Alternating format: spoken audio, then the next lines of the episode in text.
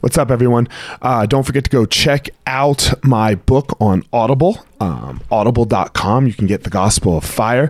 And also this week on my Instagram, everyone, we I have, um, you know how I am. I believe that core values are such an important thing. So the question is, how do we start to determine our values?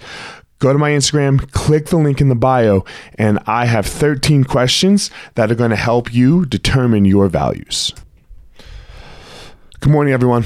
I hope you're doing well. I hope you had a great weekend or whenever it is that you're listening to this. Um, so, you know, I like to ask the question why a lot. Like, why are you, why do you want what you want? Why are you doing what you're doing? I think it's such an important thing. Uh, you know, why are you fighting? Why why do you why do you have this job? All of these questions. But let's go a little deeper today. Let's go a little deeper with that why question. So, you know, but why really? What will you be if you accomplish that thing, right? Like let's say, you know, you want to get a new job right? You want to start your own business and and that's what you want to do. You you want to be your own boss. But why? What will it give you? What will you have? Now there's areas of our life that we want to think about a lot when we ask this why question. Physically, what will you have? Like what what will it do to your physical being? Like, how will it help your physical health? What will you have? What will you be physically? What will you have and be spiritually? Like your soul, who, who you are, right? You know, like spiritually, what will that do for you? Finan- excuse me, financially, what will it do for you financially? What will you have? What will you be? Socially, what will you have? What will you be? In your family life, now these questions that we're asking, the you know, the spiritually, the socially, the financially, those those are really important questions because they're essences of you, right? Like and, and you have to balance these things out. The the universe has to stay balanced in some way. Bec- and so so how do we balance? Because the next question is what will you have is what will you have to do?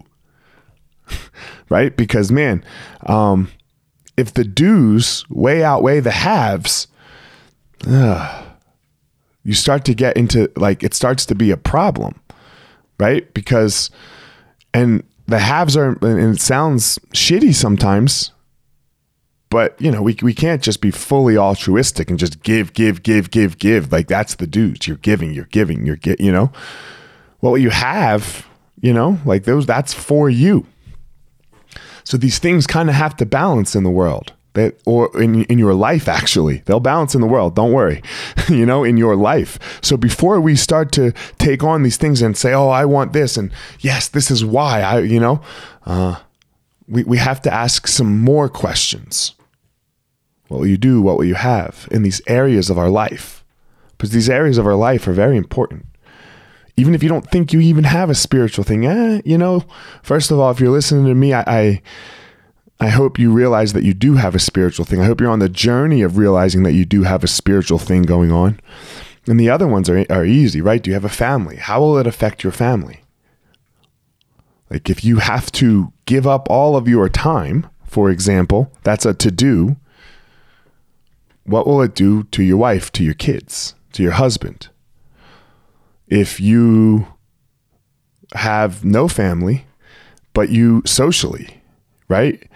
Man, you can't just work, work, work. Let's let's be clear. You've never. I mean, I always say work more, but there's got to be a a you time, a social time, an interaction with other people time.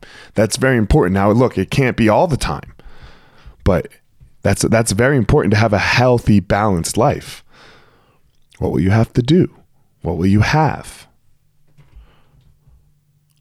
super, super, super important questions that go deeper than just the why. So, again, what will you have? What will you have to do? Who will you become? Ask yourself these questions when you start to think about what it is you want with your life and why it is you want with your life. They're going to help you find your passion. They'll help you find your power. And then you'll be able to know what your purpose is and give it to the world.